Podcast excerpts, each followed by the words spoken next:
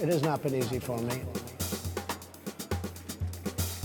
I started off in Brooklyn. My father gave me a small loan of a million dollars. A million dollars.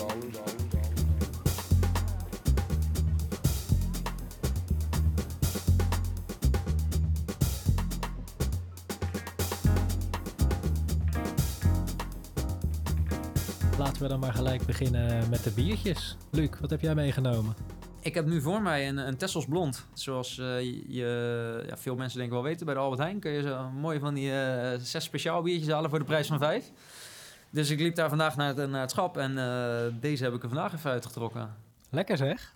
En jij Hester, wat heb jij meegenomen? Ja, ik zit hier aan een eh door vrouwen. Sowieso is het natuurlijk wel eh, goed om hier wat vrouwen, vrouwelijke touch in deze podcast Zeker weten, te zeker geven. weten. Maar ik moet zeggen dat het ook wel een van mijn lievelingsbiertjes is geworden. Misschien ook wel dit voorjaar. Want toen we in de lockdown zaten, toen ehm, ben ik me onder andere gaan verdiepen in eh, beleggen. Maar ook, ja, je wil, je wil ook wel gewoon met, met, met vrienden gezellig een biertje blijven doen. Eh, Maar ja, je kon natuurlijk nergens naar binnen. Dus wat deed ik meestal met vrienden? We gingen gewoon een soort van kroegtocht doen langs alle kleine cafeetjes. En bij Gebrouwen door Vrouwen, dat is in Amsterdam-West... was gewoon zo'n heel schattig soort barretje voor de deur... eh, met alle verschillende biertjes die ze hadden. En daar zit... eh, ja, normaal is bloesemblond wel mijn favoriet. Maar ik dacht, laat ik het eens even voor, eh, voor Gember Gold eh, weer gaan. Oeh, Dat is toch wel lekker een beetje pittig. En ehm, ja, dat is ook gewoon af en toe even, even, even wat anders. Ik zit, zit hier met twee Rotterdammers aan tafel. En ik dacht, we moeten ook een beetje Amsterdam erin brengen. Dus naast Gebrouwen Vrouwen heb ik jullie net ook een, eh, een eindejaars natuurlijk getrakteerd. Van Brouwerij het Ei. Dat is mooi om het jaar mee af te trappen. Is wat sterk, dus ik heb het bij eentje gehouden voor ons drieën. maar ik kan je wel zeker zeggen dat die echt heerlijk was. Kun je dat weer zeggen, ja? Zeker weten. En wat ken jij dan? Wat, eh, wat zit jij ondertussen te Ja, drinken? ja, ik heb, eh, ik heb, nou ja, Dat is een Rotterdam steentje, ge- dit. Gebrouwen door vrouwen heb ik dan eh, een hele mannelijke bleke Nelis. Heel mannelijk. Heel mannelijk, heel mannelijk. Ja, er staat ook nog een leuk verhaaltje achterop. Ik weet niet of iemand nog zin heeft om die te horen. Kom maar. Ja, zeker. Walvisvaarder Cornelis Gerrits Jongekees uit Zaandam waagde zich in 1668 op het poolijs bij Spitsbergen nadat hij een ijsbeer had doodgeschoten. De doodgewaande beer viel hem echter onverhoeds aan en ging op hem liggen. Zijn leven werd net aangered, maar niet zijn haarkleur. Die werd van schrik spierenwit. Rust nooit voordat de beer echt geschoten is. Is me godverdomme wel een verhaal zeg. Hey. Klinkt een beetje als, de- klinkt een beetje als eh, als je naar de Efteling gaat. Dan eh, kun je daar naar de, de Vliegende Hollander, weet je. Dan sta je zo onder in zo'n donkere gang. En dan, komen, of, eh, ja, dan hebben ze ook allemaal van die spannende teksten van eh, vroeger, eh 300 jaar geleden, met spoken en geesten. En, Ja, nou ja, dat zit allemaal in het flesje. Misschien moet je gewoon eh, kinderboeken gaan voorlezen. Misschien wel.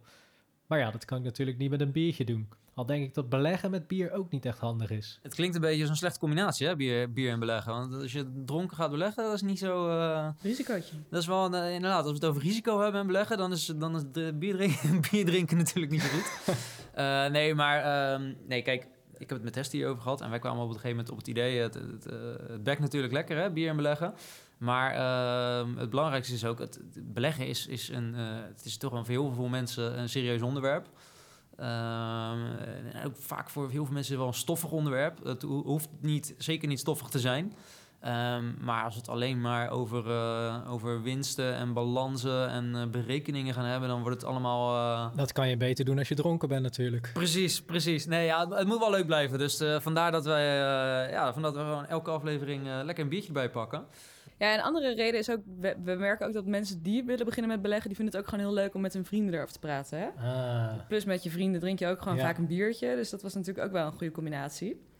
Om Ja, gewoon, eh, ja, nee, precies. Dus, onszelf ook te tracteren op een biertje. zeker. Ja, nee, maar eh, het, het, is ook wel zo. Want eh, uiteindelijk is het dus voor heel veel mensen ook wel een, eh, een drempel om eh, te gaan beleggen.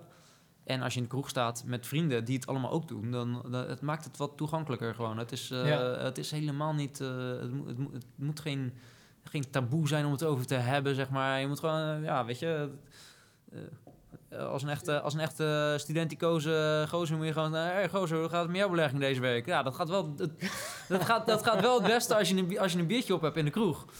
Zegt Ehm, deze Rotterdammer. Met, met accent en al, ja. Ja, met accent en al. Nee, maar ja, dat, dat, we hebben wel zo'n ja, zo'n fout beeld daarbij. Maar dat, ja, dat is... eh, ja, weet je, je gaat niet op di- dinsdagmiddag bij de koffie eh, zitten Nee. van hoe gaat het met jouw beleggingen? Nee, ja, dat is gewoon... eh, dat, het gaat prima samen met bier. En jullie hebben ook onderzoek gedaan naar de, naar de angsten die mensen hebben bij beleggen. Mhm. Wat is daar een beetje uitgekomen? Wat houdt mensen tegen om daadwerkelijk te gaan beginnen? We hebben er inderdaad onderzoek naar gedaan, maar ik heb ook heel veel mensen erover gesproken. En dat is misschien ook nog wel het, het meest tekenend als je mensen spreekt. Want dan, dan, dan, hè, dan voel je echt waar, een beetje de, de, ja, waar het een beetje in zit.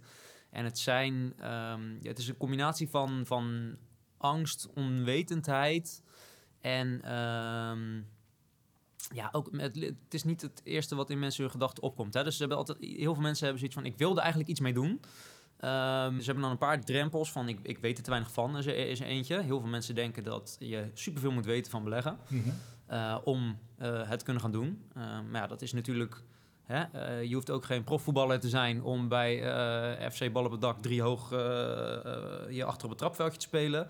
Je kan gewoon gaan voetballen. Dat, is geen, dat is geen probleem. Dus je kan, ja... Ehm, en verder, ehm, sommige mensen denken dat je heel veel geld voor nodig hebt. Ehm, wat ook Ja, zeker niet zeker. waar is. Het is een manier om veel geld uiteindelijk eh, ermee te verdienen, hopelijk. Maar ehm, je kan al beginnen met een heel laag bedrag. En misschien wel de belangrijkste die het meeste hoort, is dat mensen bang zijn om hun geld kwijt te raken. Mhm. Ehm, omdat er ergens, eh, en ik denk dat dit een, een beetje een Hollywood-effect is. Eh, mensen die hebben films gezien over, over Wall Street. En daar zie je mensen eh, links en rechts geld smijten. Eh, die staan te schreeuwen op een of andere beursvloer. eh, en de ene moment hebben ze een miljoen gewonnen, en het andere moment zijn ze failliet. Ehm, ja, zo gaat het in de praktijk niet. Ehm, als jij, tenzij je hele gekke dingen doet, kun je niet van de een op de andere dag al je geld kwijt zijn. Het kan zijn dat je gedurende een tijdje ehm, verlies maakt. Dus een deel van je inzet kwijt bent. Maar als je gewoon rustig blijft eh, en gewoon met een lange adem hebt, dan kun je niet zomaar fiets gaan. Dat is eigenlijk echt complete onzin.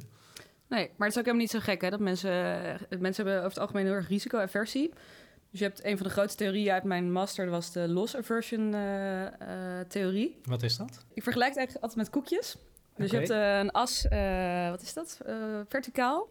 Eh, de as van koekjes. Dus je kan één koekje bijvoorbeeld erbij krijgen. eh, of één koekje kan je verliezen. Eh, en dat geeft ongeveer evenveel geluk of, of, of verdriet dat je daarbij ervaart. Maar op een gegeven moment, die, die lijn van verliezen, die blijft veel langer stijl naar beneden gaan. Dus je ervaart bij drie koekjes ook nog heel veel eh, extra eh, eh, negativiteit. Vergeleken met als je drie koekjes zou winnen. Dus eigenlijk is het een dubbel effect van hoe, hoe negatief mensen verlies ervaren. Ten opzichte van hoe positief ze winst ervaren. Ja, om die, om die metafoor even mooi door te trekken. Eh, als je natuurlijk op een gegeven moment drie koekjes op hebt, op een gegeven moment zit je vol. En dan, eh, dan wil je geen koekjes meer. Ja. Eh, Maar terwijl, dat is met als je- investeren niet zo, Nee, toch? maar terwijl... ja, nee. Ja, maar we zijn ook niet zo rationeel, nou, hè? daar, daar geldt het ook voor. want dit geldt ook eh, voor geld. Ehm, dus eh, als jij jouw eerste eh, 1000 euro verdient, dan ben je er heel blij mee als je 0 euro hebt. Maar eh, als jij 100.000 euro hebt en je verdient 1000 euro, dan denk je, ja, ik had er 100.000. Die ene 1000 maakt me niet meer uit. Ja. Dus dan heb je dus eh, ineens 50.000 meer nodig om hetzelfde gevoel te creëren als dat je eh, van 0 naar 1000 ging. Ja. Eh, en dat is... eh, nou, dat die is daardoor koekjes- gewoon Met koekjes hoog. is dat precies hetzelfde. Ja, mensen zijn gewoon eh, gewend dat ja, de risico dat is gewoon eng, dus dat willen ze mijden. eh, om iets te verliezen dus. Ehm, plus social proof is ook een belangrijke. Dus mensen doen snel wat anderen doen.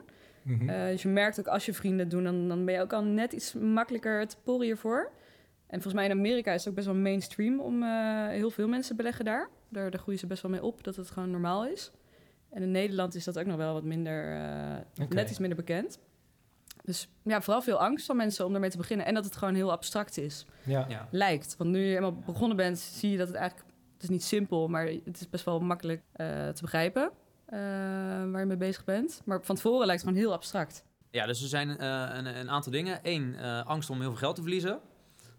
Twee, angst dat ze niet genoeg weten. En dat is, ja, je hoeft helemaal niet veel te weten. En drie, er is denk ik ook een stukje, ehm, ja, ehm, dat, waarbij mensen denken, ze, sch- schuiven het voor zich uit. Ehm, dus Ja, Gaat, eh, uitstellen. Kijk, ja. kijk ik morgen wel naar. kijk ik morgen wel naar. Eh, en dat is eh, eigenlijk heel zonde. Ehm, Wordt ook alleen maar groter daardoor. Ja, precies. Dus wat je krijgt is dat mensen zeggen van... eh, die hebben op een gegeven moment... Hè, mensen gaan... eh, eh, wij hebben bijvoorbeeld... We zien heel veel een doelgroep van mensen die eh, net aan het werk zijn... maar nog geen kinderen hebben. Eh, dat zijn mensen die dan eh, over het algemeen ja, iets van geld over hebben. Want ja, ze hebben gewoon die kostenpost van kinderen nog niet. En dan... eh, hebben ze dus geld over, dan sparen ze iets op een spaarrekening. Maar op een gegeven moment denken ze van... nou ja, als er nu de wasmachine kapot gaat, eh, dan kan ik het betalen. En dan staat daar misschien een, een paar duizend euro bijvoorbeeld. Eh, en dan, ja, de, de, de, de, de in- de incentive, zeg maar, om, om meer te gaan sparen, die raakt een beetje kwijt. Want ja, als jij je ziet op een gegeven moment 4000 euro op je spaarrekening staan. eh, ja, moet het nou 5000 euro worden of 6000 euro? Ja, dat is op een gegeven moment, sparen is helemaal niet leuk. Het, het staat daar Nee. op die bank maar niks te doen. Ehm, en dan denken ze van, ja, ik zou eigenlijk iets met dat geld moeten doen om er eh, meer geld van te maken. En ze weten dat ze daarmee kunnen beleggen, want iedereen heeft wel gehoord over beleggen. Eh, dus ze denken van ja, dat, eh, dat geld staat daar niks te doen en ik kan er geld mee verdienen. Maar ze denken iedere keer van nou, dat, ik heb volgende week nog een verjaardag en dan, dan daarna in het weekend ga ik eens naar kijken. En dan zijn ze na die verjaardag zijn ze, hebben ze een paar biertjes op, een fles wijn op, I don't know.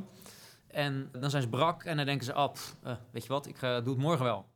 Maar je had het net ook over de, de Hollywood-verhalen eh, die rondgaan over investeren. En ik denk dat ook een beetje meespeelt de angst om te gaan investeren en dat zuurverdiende spaargeld eindelijk ergens in te stoppen. eh, en het dan allemaal kwijt te raken. Is dat überhaupt mogelijk? Dat is mogelijk. Eh, ik kan er niet over liegen. dat is mogelijk, maar dat is alleen, kan alleen gebeuren als je echt hele spectaculaire dingen doet. Eh, en daar gaan we later nog op terugkomen. Maar ehm, ja, als je een klein beetje je inleest of naar deze podcast luistert, dan kun je met één of twee uur aan, aan eh, beleggings, eh, ja, beleggingsadvies of een, een lesje of een, ja, gewoon jezelf informatie inwinnen, dan, dan kun je daar eigenlijk niet in die val trappen. Dat, kan, dat is eigenlijk on- onmogelijk tenzij je echt als een kip zonder kop de beurs op gaat. Aan de andere kant is dat dus ook ja, eigenlijk extreem jammer. eh, dat eh, ik weet niet het precies het percentage van de bevolking dat eh, aandelen bezit of, eh, of, of eh, beleggingen in het algemeen, zeg maar. Ehm, maar dat is volgens mij is dat echt extreem laag. Ehm, terwijl ik denk dat je, wat ik zei. Het kan die Lucas lekker praten, hè?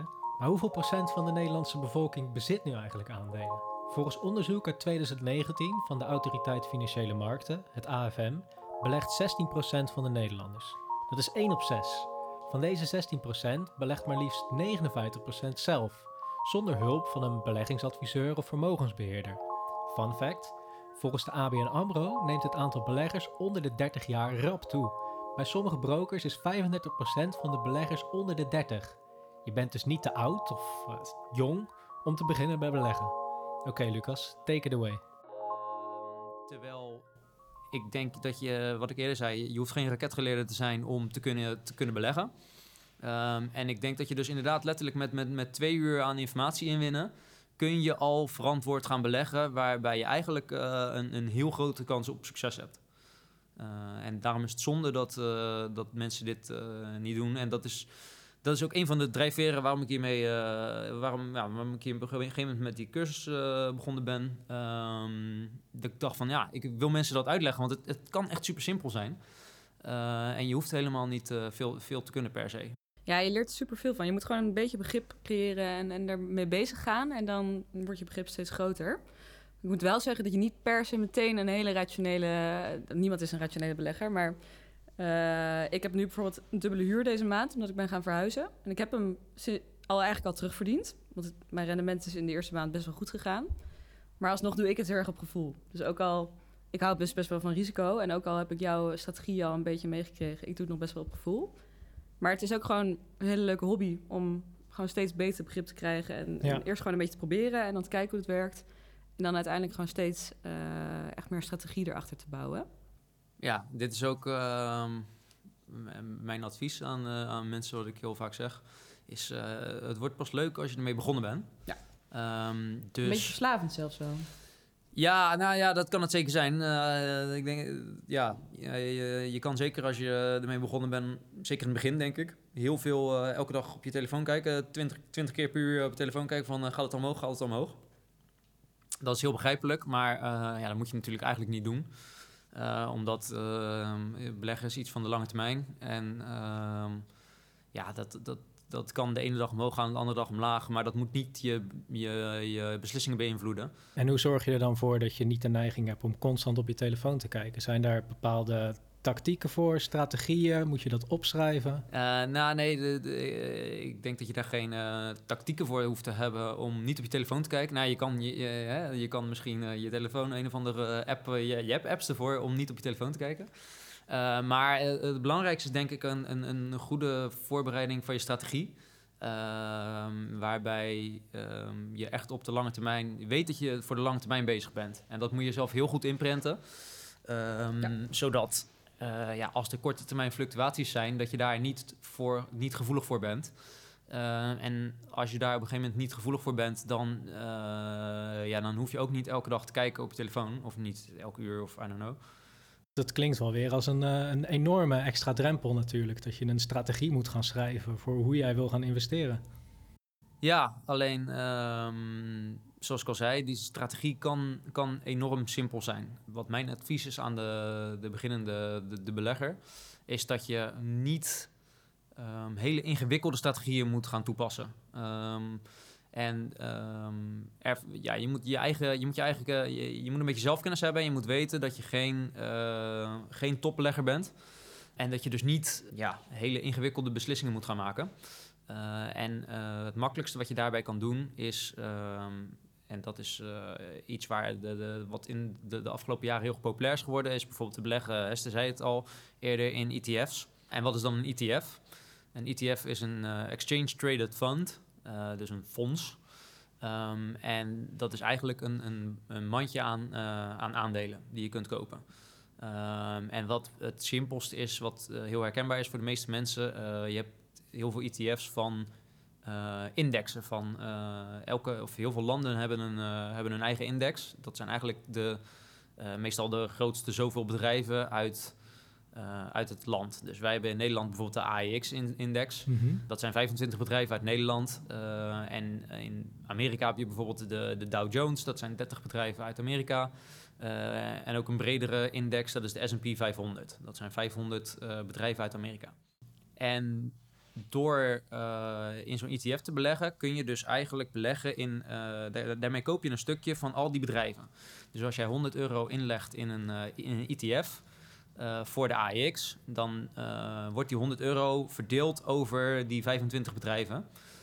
en daarmee heb je dus eigenlijk een. ja, koop je in feite de hele markt, de Nederlandse aandelenmarkt, zeg maar, de, die 25 bedrijven. Um, en doordat je dat doet, um, ben je meteen enorm gespreid in al je beleggingen. En hoef je niet in de gaten te houden of dat bedrijf 1 of bedrijf 2 of bedrijf 3 die dag, uh, hè, of dat ze goed nieuws hebben, slecht nieuws hebben, of dat de winst goed is, of dat die tegenvalt. Maar daardoor koop je eigenlijk ja, gewoon een, een, een, een hele markt. En als je op de lange termijn kijkt, um, geldt eigenlijk voor, um, voor al deze uh, indexen, zeker in de, in de westerse wereld. Dus bijvoorbeeld neem de Dow Jones, die, kent, uh, die kennen heel veel mensen. Daar geldt gewoon voor dat die over de lange termijn altijd omhoog gaat.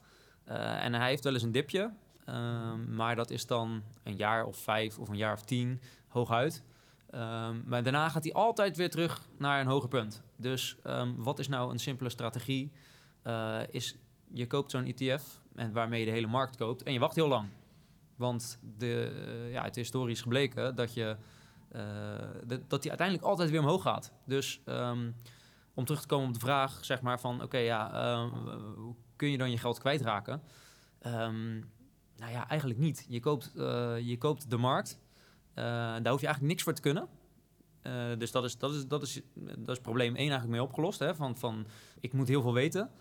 En vervolgens is het een kwestie van, van wachten. Uh, totdat je uiteindelijk weer op winst staat. Ja, maar het is ook een beetje build, measure, learn. Hè? Net zoals met onze, ja. ons bedrijfje dat we nu uh, willen gaan opzetten. We dachten eerst van... Uh, we moeten het helemaal perfect hebben uitgedacht. En dan pas gaan we het op de markt brengen. Want we willen gelijk verschil maken. En we willen gelijk een heel plan erachter hebben. Ja. Maar dan merk je ook dat je het tegenhoudt. Dus als je het echt al alles uitgedacht wil hebben... dan je moet je moet ook gewoon een klein beetje beginnen. Dus het, ik, ik was zelf bijvoorbeeld gaan inluisteren... En ik wilde trouwens beginnen met ETF's. Ik dacht dat is verstandig, want dan begin je inderdaad verstandig. Maar wat heb ik gedaan? Ondanks dat ik alles van uh, eh, psychologie weet, ben ik zelf ook nog steeds, trap ik erin. Ik eh, laat me ook door emotie leiden. Dus mijn eerste aandeel was gewoon een los aandeel wel in KLM.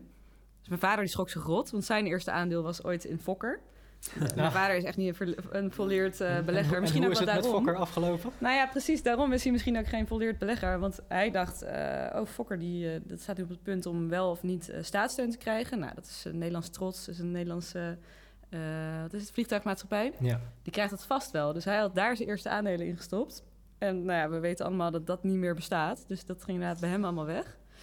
En zelfs ondanks die verhalen, ja, ik hou dan ook wel een beetje van risico. Maar mijn eerste aandeel was dus in KLM. Net voordat zij die wel of niet staatssteun kregen. Nou, dat heeft tot nu toe goed uitgepakt. Maar het is wel een van de, en dat is natuurlijk wat, eh, wel eh, een puntje wat meegenomen moet worden, het is wel een van de, de beginnersfouten inderdaad. Ja. Want ondanks dat het nu goed afloopt, en dit is dus heel gevaarlijk, ehm, ondanks dat het goed afloopt, je hebt van je vader gehoord dat het ook fout kan aflopen. En dit is dus, dit is dus een van de dingen waar je dus, eh, waar, hè, een vraag waar we eerder op, eh, op kwamen.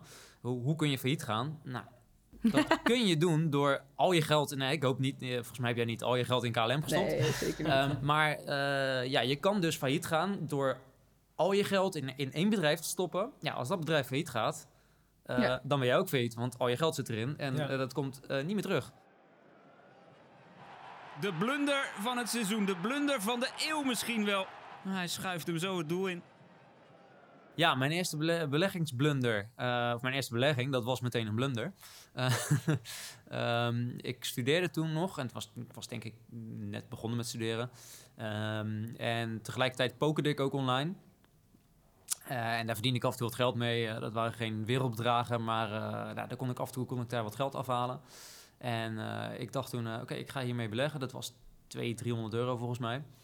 Eh, en ik begon daarmee op een, eh, op een app die je waarschijnlijk op heel veel reclames voorbij ziet komen. Ook bij, eh, op, volgens mij staan ze op het, op het voetbalshirt van Barcelona. Daar weet jij meer vanaf dan ik was. Plus 500. Plus 500. Plus ja. 500. Nou, dat is een online broker en daar kun je beleggen met hefboom. Ehm, Ah. En ehm, ja, wat is beleggen met een hefboom? Beleggen met een hefboom betekent eigenlijk dat al jouw winsten, en, maar ook je verliezen, en dat is het belangrijkste, die worden uitvergroot. Ehm, dus stel jij legt 100 euro in. eh, daarmee kun je bijvoorbeeld voor eh 300 euro aan aandelen kopen. Dus eigenlijk hoef je maar een derde van die aandelen hoef je zelf in te leggen. Maar jij krijgt voor 300 euro aan aandelen. Eh, en als die 300 euro aan aandelen verdubbelen in prijs, nou dat is hartstikke leuk, dan verdubbelt jouw 300 euro naar 600 euro en heb je 300 euro winst. Ehm, maar als jij verlies gaat leiden en die 300 euro die zakt in naar 200 euro, dan heb je 100 euro verlies geleden en dat wordt afgehaald van wat jij hebt ingelegd. Maar ik had nog maar 100 euro ingelegd. Eh, dus dat betekent dat als je dus die aandelen van 300 naar 200 euro gaan, dat je al failliet bent. Eh, en dan wordt automatisch die positie wordt, eh, die wordt geclosed, die wordt afgesloten. Eh, en je bent al je geld kwijt. Want je had maar 100 euro ingelegd en je hebt 100 euro verlies geleden. Ah, Al je geld weg. En dat kan je dus tegengaan door bijvoorbeeld te investeren in ETF's. Ja, of, of eh, kijk, je hoeft niet per se via een ETF eh, te beleggen. Je kan zelf ook 20 verschillende bedrijven uitkiezen. Want dan ben je ook, hè, dan, dan is ook de kans eh, eigenlijk nihil dat al die bedrijven tegelijkertijd failliet gaan. Alleen dan moet je dus zelf 20 bedrijven gaan uitzoeken. En die Ja. bedrijven moet je allemaal gaan beoordelen op is dit een go- goed om te kopen of niet of te goed Ja. om te kopen. En dit is dus, hebben wij gemerkt, voor heel veel mensen is dit, dit, dit, dit is veel te veel werk. Eh, want eh, om een bedrijf uit te kiezen of het een goed bedrijf is om te kopen, moet je gaan kijken, oké, eh, wat is het bedrijf waard? Eh, hoeveel verdienen ze? Hoeveel geld staat er op de balans? Kunnen ze hun betalingsverplichtingen voldoen? Hoe gaat het strategisch? Hoe hoeveel marktaandeel hebben ze? Ja, en dat zijn allemaal beslissingen die je moet maken om te kijken van... oké, hoeveel is dat bedrijf waard? En dan vervolgens ga je kijken, nou, wat, wat, wat kost een aandeel van het bedrijf? Nou, om dat allemaal te moeten doen, dat is, dat is voor heel veel mensen, eh, eh, inclusief mijzelf... Ja. Eh, veel te veel werk om dat voor de hele markt te gaan doen. En het is ook bewezen dat, dat het merendeel van de mensen, als ze dit gaan doen, het niet beter doen dan dat ze een, een index kopen van de markt. Hè? Dus gewoon zeggen, nou, geef mij maar gewoon de AEX, want dat zijn gewoon de 25 eh, grootste bedrijven uit Nederland. En dan presteer je dus beter dan als je dus zelf die, die aandelen gaat uitkiezen. En de, de mensen die dus beter presteren dan de markt, eh, dat zijn dus eigenlijk alleen mensen die het extreem goed kunnen eh, en er heel veel verstand van hebben.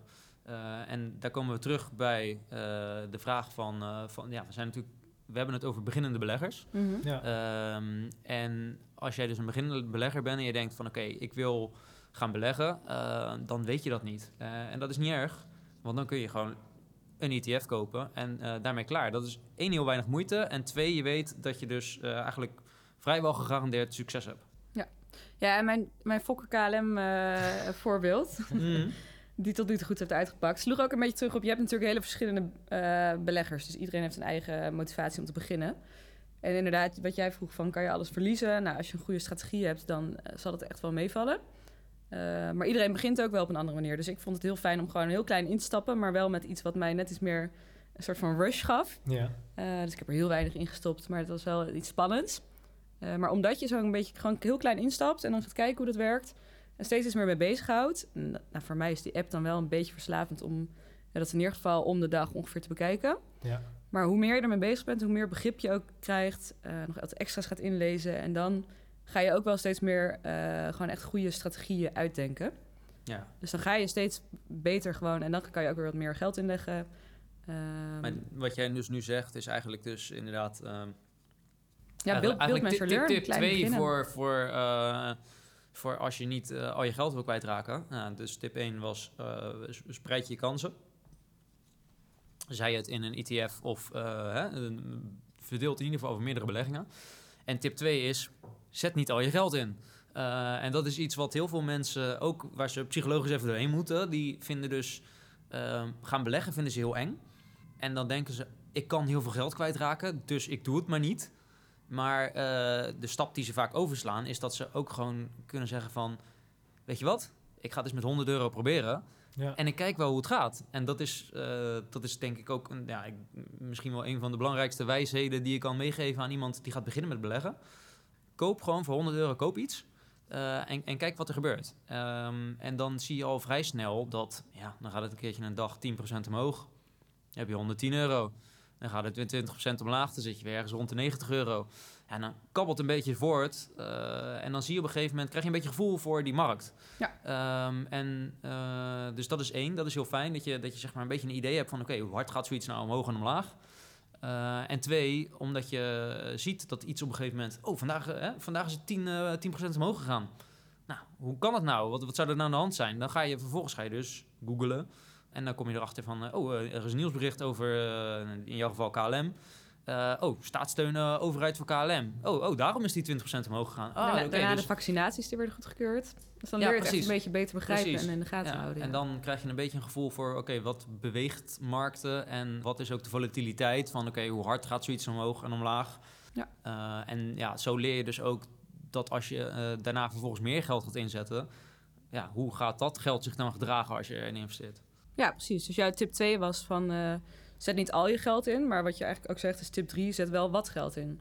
Dus ik hoor ook wel mensen in mijn omgeving die Ja, dat, zeggen... moet, dat ik- moet eigenlijk tip 1 zijn, hè? Tip Ja, 1 dat is tip zet 1. wat geld in, want Zet anders, je, je moet van de nul afkomen, want eh, ja, je moet maar mensen beginnen. zeggen, ik hoor ook veel mensen in mijn omgeving die zeggen van ja, ik heb helemaal geen geld om in te zetten. En ik ben ook echt, ik heb helemaal niet veel op mijn spaarrekening. Maar ik denk nu wel van dat hele kleine beetje dat je dan, eh, en niet, niet geleend geld, maar dat je dan nog over hebt. Dat kan je beter inzetten, want je ziet nu al hoeveel rendement het opbrengt.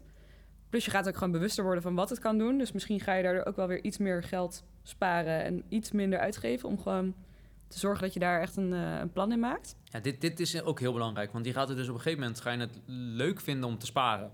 En eh, dat is wat ik eerder bedoelde met, eh, met, met ja, sparen is helemaal niet leuk. Want je zet op een gegeven moment, hè, stel je hebt 2000 euro op je spaarrekening en je hebt je salaris gekregen en je zet er weer 100 euro bij.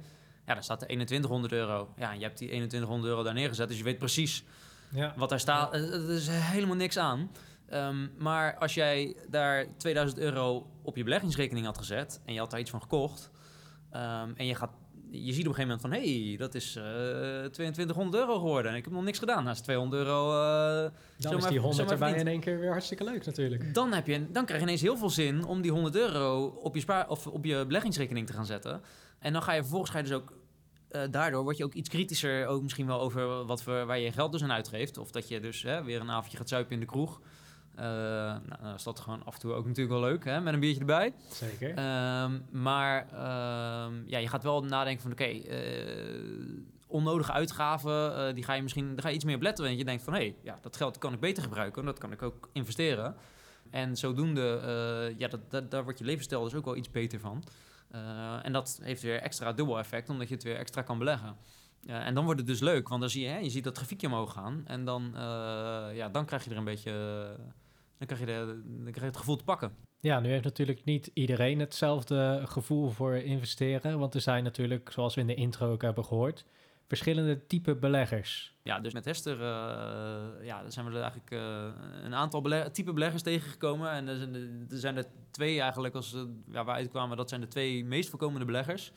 Dat is één, de blinde belegger, dat was ik dus. Die gaat gewoon, eh, die gaat gewoon van start zonder iets uit te zoeken. En eh, die gooit ergens geld in en eh, die weet eigenlijk helemaal niet waar hij mee bezig is, maar eh, die ziet wel wat er gebeurt. Eh, en aan de andere kant heb je dus de, en dat is meer, eh, dat ben jij meer, Hester. Ehm, het type dat juist te, te bang is om te gaan beleggen. Hè? De blinde belegger is, heeft te weinig angst. En eh, het andere type is de- degene die te veel angst heeft om te gaan beleggen. En die begint er eigenlijk nooit aan. Ja. Eh, en wat zij allebei gemeen hebben, is dat ze allebei gewoon eh, ja, de, de basisbeginselen missen. Ehm, en allebei ja, dus gewoon een klein beetje moeten inlezen en moeten luisteren naar een podcast of een boek moeten lezen, et cetera. Eh, om, die, eh, ja, om die basiskennis op te doen. En dan eh, kun je dat probleem voor allebei Ja, verhelpen. en vooral een opstapje nodig hebben bij mijn persona. Want ik, ik, ik was bijvoorbeeld wel begonnen met die podcast luisteren. En ik heb ook vriendinnen die zeggen van... ja, ik kan wel een, een boekje van beleggen voor dummies gaan, gaan kopen. Dan wordt het van abstract en mi- minder eng wordt het misschien wel. Maar je hebt, je hebt vooral ook vaak mensen nodig waarmee je het dan samen gaat doen. Dus Ja. ik vond het zo leuk, maar in jouw lesjes ook... dat je het zo heel persoonlijk ging uitleggen. Ik dacht, dat is voor mij ook gelijk een goede stok achter de deur... om gewoon ja. als ik tegen Lucas heb gezegd van ik ga het uitzoeken, dan ga ik het ook gewoon eindelijk eens een keer eh, doen. Eh, plus we hadden natuurlijk een maand later jouw tweede lesje. Dan dacht ik, ja, dan wil ik wel eh verdomme tegen die tijd even erin hebben, me erin hebben verdiept. ja, dus en gewoon kijken hoe het Je hebt werkt. je huiswerk gedaan toen. Ja, dus echt even een opstapje nodig hebben. Ja. Plus het Ja. gewoon met mensen kunnen bespreken. Ja, Dus, jij, had- maar jij had een opstapje nodig. eh, en sommige mensen, zoals ik dus eigenlijk toen ik de blinde belegger was, eh, die hebben een afsta- afstapje nodig. Ja. Die moeten even wat informatie krijgen om even wat rustiger Even aan te doen en niet zoveel risico te nemen. Eh, en dat is misschien een eh, mooi bruggetje naar jou, Bas. Want ehm, jij bent ons al heel veel vragen aan het stellen. Zeker. Ehm, maar ehm, jij bent eigenlijk wel een beetje het type blinde belegger. Eh, zoals ik je heb leren kennen. ja, Eh, ja, dat dus- is ook... Dus misschien is het tijd voor jou om even te, eh, te vertellen over jouw beleggingservaringen. En eh, ja, waarom jij eh, ons allemaal moeilijke vragen aan het stellen bent. Ja, dat is de reden waarom ik zoveel vragen stel. Is omdat ik nu eigenlijk nog steeds een blinde belegger ben. Dus ik heb eh, geen kennis, eh, niet zoveel ervaring. En eh, heb besloten om gewoon in één keer te gaan beleggen. zonder daar daadwerkelijk veel over gelezen te hebben. Het probleem is, is dat eh, mijn beleggingen ehm, niet in aandelen zijn geweest. Eh, maar de eerste keer dat ik iets kocht was, was eh, cryptocurrency. En de Ja. mensen die mij daarmee, daarmee aan het leiden waren, waren YouTubers.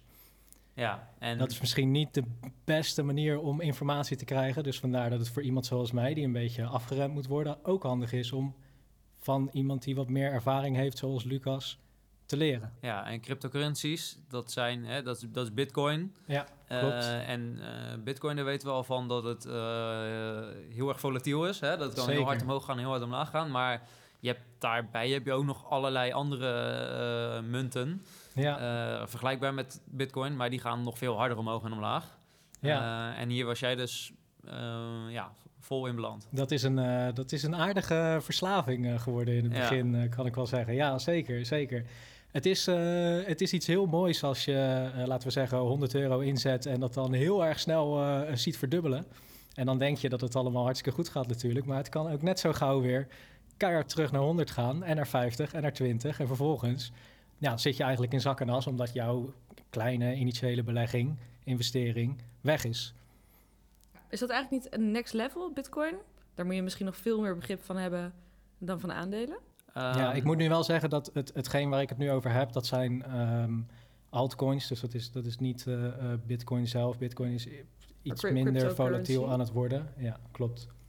Ja, nee, dus ehm, dat, ja, dat zou ik inderdaad niet, eh, niet aanraden aan een beginnend belegger. Ehm, maar dat wil niet zeggen dat het, eh, dat, het niet, dat je er niet eh, een deel van je beleggingen in kan stoppen. Ehm, juist, een, hè, eh, juist iets voor beginnende beleggers, slash mensen die er niet eh, heel veel van weten, is, is diversificeren. Dat is verstandig. Ehm, en dat kan ook best wel in, in, in Bitcoin zijn. Het is, dat is tegenwoordig. eh, Zeker. Is Bitcoin ook echt niet meer wat het, wat het vijf of tien jaar geleden was. Ehm, maar het is, het is wel iets waar je niet al je geld in moet stoppen als je net om de hoek komt kijken. Ja. Dat is, dat is heel, of, zelfs als je heel ervaren bent, is het ook niet verstandig om daar al je geld in te stoppen. Waar het in, in mijn optiek allemaal op neerkomt, is, is gedegen onderzoek. Want dat is hetgeen wat ontbrak bij mij aan het begin. Ik deed geen onderzoek. Ik eh, zag eh, het, nu- het nummertje omhoog gaan en dacht, dit moet ik kopen, want het gaat omhoog. En dat Ja. is natuurlijk helemaal geen goede basis voor een eerste investering. Nee, nee, je moet weten, eh, überhaupt weten wat je koopt. Dat, en dat is al, Ja. ehm, dat hoeft niet heel veel tijd te kosten. Maar het is wel, eh, als je iets koopt en je weet niet eens wat het bedrijf doet, wat je aan het kopen bent, dan, eh, dan ben je natuurlijk compleet verkeerd bezig. Ja, dus dat is al even kort over de verschillende personen en hoe mensen hier aan begonnen zijn. En, en inderdaad de strategieën die je kan aanhangen en die misschien beter passen bij sommige mensen. Maar we zitten hier bij bier en beleggen, dus we zijn lekker aan het lullen. Maar misschien is het ook wel goed om heel even terug te gaan naar de hamvraag. En dat is voor deze aflevering vooral... Waarom zou je nou eigenlijk... Je hebt al heel veel gezegd waarom mensen denken dat ze niet zouden moeten beginnen met beleggen. Maar waarom zou je nou eigenlijk beginnen met beleggen? Ehm, nou, dat is eigenlijk. eh, er zijn een paar hele goede redenen voor. Ehm, en één hebben we al een klein beetje, denk ik, eh, behandeld. Ehm, je kan gewoon geld verdienen eh, met niks doen. En dat vindt iedereen interessant. maar het is ook echt waar. Ehm, dus, eh, nou ja, volgens mij uh, er zijn mensen die eh, hun werk heel leuk vinden. Ehm, maar de meeste mensen denken toch eigenlijk wel van, nou, geld verdienen met niks doen, dat, dat is toch altijd beter dan geld verdienen door te werken. Uh, dus dat is natuurlijk de, de, de allersimpelste reden. Reden twee is denk ik dat je geld, als je er niks mee doet, dat het ook daadwerkelijk minder waard wordt. En dan hebben we het natuurlijk over inflatie. En ja, wat is inflatie nu eigenlijk? Um, je kan het op twee manieren kan je het omschrijven. Um, Ondertussen zit er een kat aan jouw microfoon te snuffelen. Ja, die, die vindt het ook, dat is ook allemaal nieuw. Uh, maar dat is helemaal niet erg. Uh, nee, maar dus, dus inflatie kan je als twee manieren, op twee manieren omschrijven, uh, denk ik. Uh, het wordt over het algemeen uitgedrukt in het, het CPI, dus het, de Consumer Price Index, zoals ze dat zo mooi noemen. Okay. Uh, en dat betekent eigenlijk gewoon, ze meten elk jaar wat kost een, een, een bepaald mandje aan, aan goederen die, die elk gezin koopt, zeg maar. Dus als je elk jaar een pak wasmiddel moet kopen, een pak melk, een stukje vlees en wat groenten en een paar aardappelen. Uh, hoeveel kost dat uh, dit jaar en uh, hoeveel kost dat volgend jaar? Nou, als dat uh, 2% meer is bijvoorbeeld, dan heb je 2% meer geld nodig om jouw dagelijkse spullen te kopen. Dat is ook hoe je koopkracht berekend wordt, zeg maar. Als de overheid zegt van de koopkracht van gezinnen gaat zoveel vooruit, dan komt dat omdat hun inkomen omhoog gaat of dat de, zoveel verder omhoog gaat dan de inflatie. Ja. Maar hoe komt dat nou eigenlijk, die inflatie? Dat komt uiteindelijk omdat er meer geld in de omloop komt. Uh, omdat uh, er door de overheid uh, uiteindelijk of door de centrale banken meer geld in de omloop gebracht wordt. Zeker nu. Um, ja, en de, de, uiteindelijk heeft dat, als, doordat er meer geld in de omloop komt, hè, de, als er 100 euro te verdelen is en er zijn 10 broden te koop in een, in een virtuele markt, zeg maar, ja, dan kost elk brood 10 euro. Um, maar als er op een gegeven moment 200 euro is en er zijn nog steeds 10 broden, dan gaat het brood waarschijnlijk op een gegeven moment 20 euro ko kosten. Want dat is hetgene wat mensen ervoor willen betalen. Dus hoe meer geld er in de omloop ko komt, hoe meer uiteindelijk de prijs van producten omhoog gaat. Mm -hmm. Nou, dus dat is, uh, dat is in, in, het kort hoe inflatie werkt. En dat is. Uh, en de rente die staat daar, die gaat niet gelijk op, zeg maar. Nee, dus, dus, dus um, vroeger uh, op je spaarrekening had je, uh, hè, misschien weten jullie dat nog wel, had je 5% rente of 6% rente. Ja. Uh, zeg maar voor in de jaren 90 nog ongeveer. En um, de, de inflatie was toen ook lager dan de rente die je op je spaarrekening kreeg. Dus eigenlijk, als jij je geld op je spaarrekening zette, werd het bijvoorbeeld 3% minder waard elk jaar, omdat je er 3% minder voor kon kopen, omdat alles 3% duurder was geworden. Ja. Ja. Dus dat is de inflatie. Maar je kreeg 6% rente terug. Ja. Uh, dus als je 1000 euro erop zette, dan had je gewoon 60 euro winst elk jaar. En alles was 30 euro duurder geworden, die 3%. Ja. Nou, nog 30 euro over, top. Ook met niks doen ging je koopkracht er wel op vooruit. Op vooruit, ja. En, um, en is de rente nu 0%? Ja, dus de, de inflatie is op dit moment, ehm, dat, fluctueert wel een beetje, maar ehm, dat is rond de 2%. Ehm, maar zoals jullie weten, de rente op je spaarrekening, eh, die is eigenlijk gewoon nul. Daar staat inmiddels, ja, ik weet niet, de laatste keer dat ik het heb gezien, ik zit bij de ING en dat is 0,05% of zo. Dus het is echt helemaal niks meer. Dus als jij je geld op je spaarrekening laat staan, wordt jouw geld gewoon elk jaar 2% minder waard. Want Hmm. dat is de inflatie. Ja. Eh, alles wordt 2% duurder, maar je krijgt 0% extra geld erbij per jaar.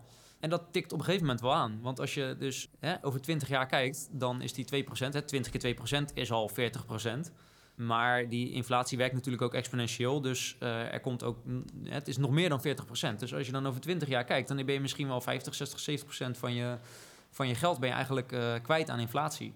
Ja. Ehm, dus je geld staat gewoon letterlijk te verdampen op je spaarrekening. Maar grappig hè, want we zijn allemaal... We weten prima dat dit gebeurt. Dus rationeel gezien zouden we er gewoon iets mee moeten doen. Maar alsnog blijven heel veel mensen gewoon passief. Ja, en dit komt denk ik door, eh, doordat het, het is zo ongrijpbaar voor mensen. Het is, Ja. dus, eh, Ja. het is zo, eh, weet je, het is een lange termijn iets. En ehm, het is, je denkt er niet snel, ja, 2% inflatie per jaar, ja, 2%, weet je wel. Lijkt toch helemaal niks. Eh, maar over de jaren tikt dat best wel aan. En ja, het is, een soort, het is echt een sluipmoordenaar. Ehm, maar ja, als jij eh, aan het sparen bent voor je pensioen, 20, 30 jaar lang, en je hebt 20, 30 jaar lang dit effect, dan kost het je uiteindelijk gewoon duizenden en duizenden euro's. Ja, en, en terwijl je aan de andere kant, als je gaat beleggen, elk jaar zoveel extra rendement kunt pakken, ook met een paar procent per jaar. En dan kun je eh, ja, duizenden tot eh, tonnen of misschien wel eh, miljoenen euro's eh, verdienen met beleggen. Ja, maar ik weet niet hoe dat bij jou zit, Bas. Maar pensioen klinkt voor mij alsnog inderdaad wel iets als heel ver weg. Zijn er ook nog andere redenen waarom mensen veel beleggen?